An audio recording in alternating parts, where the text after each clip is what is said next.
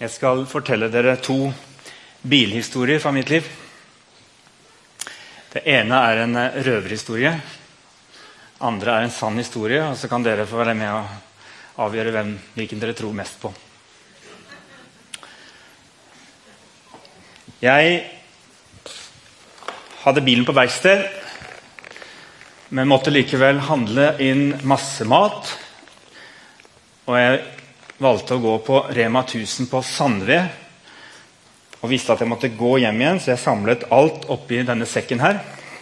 Tok den på ryggen. Den var blytung. Og så gikk jeg ut av Rema 1000, og der traff jeg på min gode venn og kollega Jon Arve, pastor i familiekirken. Han hadde med seg sin fine røde bil. Den har flott, stort lasteplan bakpå. Og så sier han 'Du bærer tungt, Vidar'. 'Vil du ikke sitte på med meg?' Han er en god venn, men jeg er fryktelig beskjeden. Så jeg klatra opp på lasteplanet hans. Og så stilte jeg meg opp foran førerhuset sånn. Så åpner han vinduet og ser bak meg. 'Vidar, hva i verden er det du gjør? Skal du ikke komme inn i førerhuset?' Jo, jo, jo, mener du det? Ja, ja, selvfølgelig. Jeg kan jo det. Du har plass? Ok. Så jeg går rundt ned av lasteplanet og setter meg inn i førerhuset.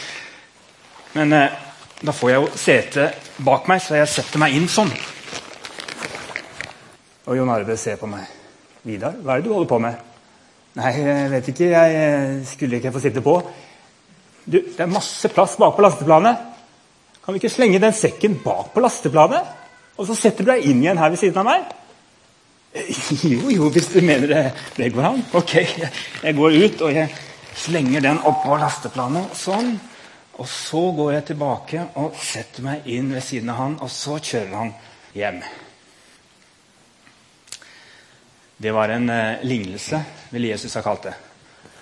Og den eh, handler om at ofte så er det sånn med oss mennesker at vi kanskje har hørt om en Gud.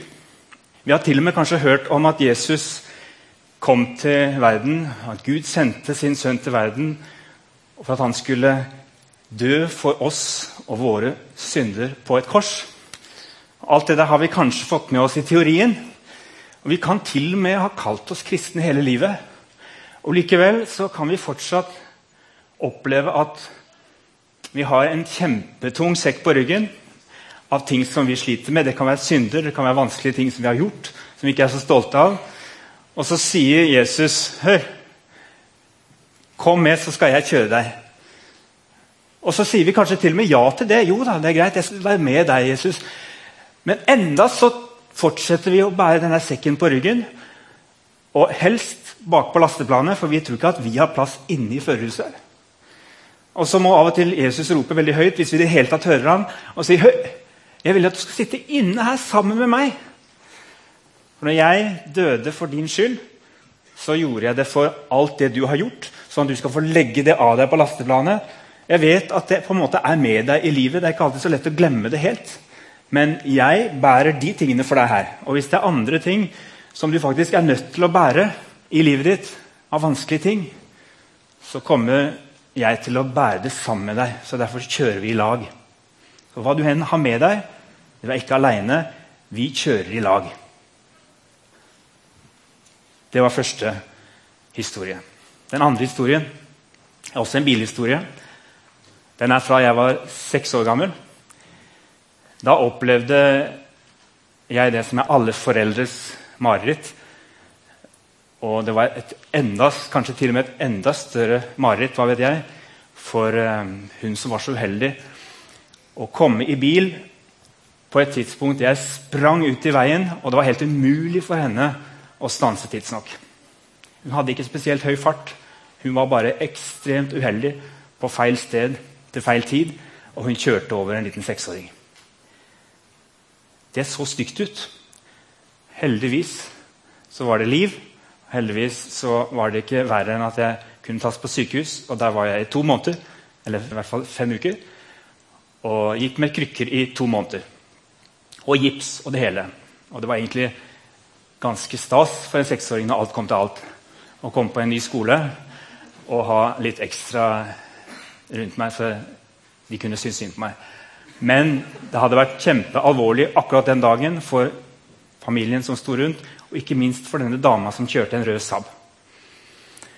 Så gikk det en stund. Jeg gikk på krykker og gips. Og så tok min kloke far meg med i bilen. Så kjørte vi hjem til den dama. Så gikk vi inn, og så snakket vi med henne. Hun hadde ikke sittet i en bil og kjørt selv siden den dagen. Hun var livredd for å sitte bak rattet. Og hun hadde fryktelig dårlig samvittighet for det som hadde skjedd. Selv om hun egentlig ikke hadde skyld. Men hun hadde ansvaret, for det var hun som kjørte, og hun var den voksne. Så sa min kloke far nå ser du at det har gått bra. Det kunne ha gått ille.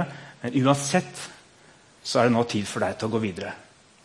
Jeg har lyst til at du skal se at han er frisk. Og så har jeg lyst til at du skal sette deg i bilen igjen og så skal du komme deg ut på veien og kjøre. Og det gjorde hun etter hvert. Mange år etterpå så var jeg så heldig å få være vikar, prestevikar i den bygda som jeg hadde vokst opp i en sommer. Og da fikk jeg lov til å døpe barnebarnet til denne dama. Det var en stor opplevelse for meg, og jeg tror det var en stor opplevelse for henne også. Jeg tror det er sånn med altfor mange av oss at vi tenker at det som har skjedd i livet, enten det er stort eller smått, som er vanskelig å gå videre i forhold til, det stopper oss opp. Og mange kan kjenne på det, enten de er ungdommer eller voksne. At vi ikke helt tror at det er mulig for oss å komme ut på veien igjen etter det som har skjedd. Også i de tilfellene så er det lov å venne seg til en Gud og til Jesus og takke for at du døde for min skyld og for det jeg har gjort. Og på et eller annet tidspunkt så skal jeg få lov til å tilgi meg selv, for du har tilgitt meg. Og nå skal jeg få lov til å komme meg ut igjen på veien. Det er troens største mysterium. For det er nemlig sånn at for de aller, aller fleste av oss så er vår intuitive tanke som mennesker det er at det som vi har gjort gærent, det må vi ta ansvar for selv. Det må vi bære selv. Og hvis ikke vi bærer det selv, så skylder vi på noen andre. Det er den andre metoden vår. Enten så bærer vi det vi har gjort sjøl, eller så får vi på en måte vridd det over til at det egentlig er noen andres skyld. Men Gud han hadde en helt annen plan. Han glatter ikke over alt det gale vi har gjort, og av og til må vi sone for det i, på forskjellige måter og bære konsekvensen av det i forhold til våre medmennesker. Heldigvis kanskje ikke så alvorlige ting som jeg har nevnt nå. Men det hender. Og likevel, i møte med Gud, så har vi lov til å si at uansett hva som har skjedd, og hva vi har gjort, så får vi lov til å si Herre, nå tar du dette her på lasteplanet ditt, og så kjører vi. Og nå skal jeg ut igjen på veien. Har du tilgitt meg, så skal jeg også tilgi meg sjøl. Paulus, som dere hørte om i eh, filmen som konfirmanten hadde laget, han eh, ville i dag ha blitt kalt en religiøs fanatiker. Kanskje så ille som en IS-soldat. En som ikke sa Hør, vi drar til Damaskus for å frelse disse kristne. Nei, det var ikke det han sa. Vi drar til Damaskus for å sette dem i fengsel og fange alle sammen. Og han hadde allerede kristne liv på samvittigheten. Det er den Saulus som han da heter, som møter Jesus på veien til Damaskus, som får et kraftig lys på seg, og som forandrer livet hans totalt. Den samme Saulus som blir Paulus, som skriver de fleste bøkene vi har i Det nye testamentet. Den store kristne lederen som gikk fra å være en religiøs fanatiker til å bli en venn av de kristne og en venn av Jesus. Og han skjønte at for å være kristen så handler det ikke om religion. Han var god på religion. Han var god på religiøse øvelser. Han kunne loven opp og ned i mente, men det var ikke det det handla om når han møtte Jesus. Paulus han fikk lov til å legge av seg det han hadde gjort før i livet, inkludert det at han hadde både fornektet Jesus og ment at de som trodde på han ikke fortjente å leve, i hvert fall ikke ha frihet. Han fikk lov til å legge av seg alt det, og så fikk han gå videre. Og han fikk også den nåde å oppleve at uh, vennene, de kristne, de uh, tok imot han etter hvert. Skepsisen ga seg, og de uh, gjorde han til en leder. Jeg vet at Paulus han, rett etter denne hendelsen så dro han avsides og var kanskje lenge vekke. Vi hører ikke om han en god stund. Kanskje trengte han tid på å forsone seg med alt som hadde skjedd i livet sitt. Men så, på et tidspunkt, så sa Jesus nå skal du ut igjen på veien. Og Da kom han tilbake og ble en misjonær og en, et vitne for Gud. Og Vi vet ganske mye om han gjennom det han har skrevet om. I første Korinterbrev, som er et av disse brevene, der tar han for seg en menighet som sleit med mye forskjellig, sånn som vi gjør. Og vi skal følge Paulus og det han snakker med Korinterbrev-menigheten om i høst.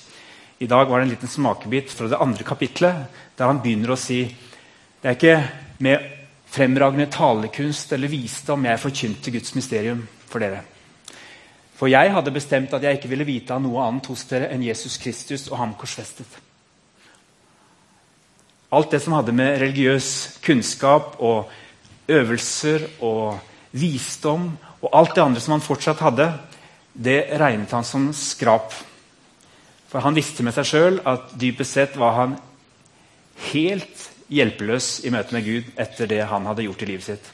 Men han holdt og klynget seg til én ting, og det var Jesus Kristus, ham korsfestet.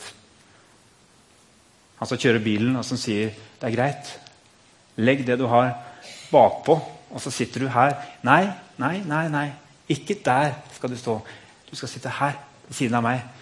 Jeg vil være din venn. Du skal slippe å forholde deg til en gud som er en slags tåkefyrste i det fjerne, som ikke vi har noe særlig begrep om. Ok, det er klart det er mange ting jeg ikke har svar på, og som jeg ikke forstår, og som jeg fortsetter å gruble på som kristen. Men det skal ikke tillate meg å holde meg på avstand fra den Gud som elsker meg. Han vil at selv om jeg ikke har alt på stell og ikke har forstått alt ennå, så skal jeg få lov til å sitte inne i førerhuset sammen med han være hans venn, og han skal bære livet sammen med meg. Og Det inviterer jeg alle dere konfirmantene, foreldre og alle i bymenigheten også til å være med på. Det er nåden, og det er det viktigste vi har. Så jeg har lyst til å be dere og invitere dere til å reise dere, og så skal vi be sammen den bønnen som Jesus lærte oss. Og midtveis i den bønnen så ber vi også alltid 'tilgi oss vår skyld', slik også vi tilgir våre skyldnere. Og Det er en flott bønn å ha med seg i hverdagen. Den er litt annerledes enn den bønnen som jeg lærte da jeg var liten. For den har kommet litt i nyere språkdrakt, men vi bruker nå denne nye oversettelsen og lærer oss den sammen med konfirmantene. Og vi andre strever så godt vi kan med å lære den utenat, vi òg. Skal vi be. Vår Far i himmelen. La navnet ditt helliges. La riket ditt komme. La viljen din skje på jorden slik som i himmelen. Gi oss i dag vårt daglige brød, og tilgi oss vår skyld, slik også vi tilgir våre skyldnere. Og la oss ikke komme i fristelse, men frels oss fra det onde. For riket er ditt, og makten og æren i evighet. Amen.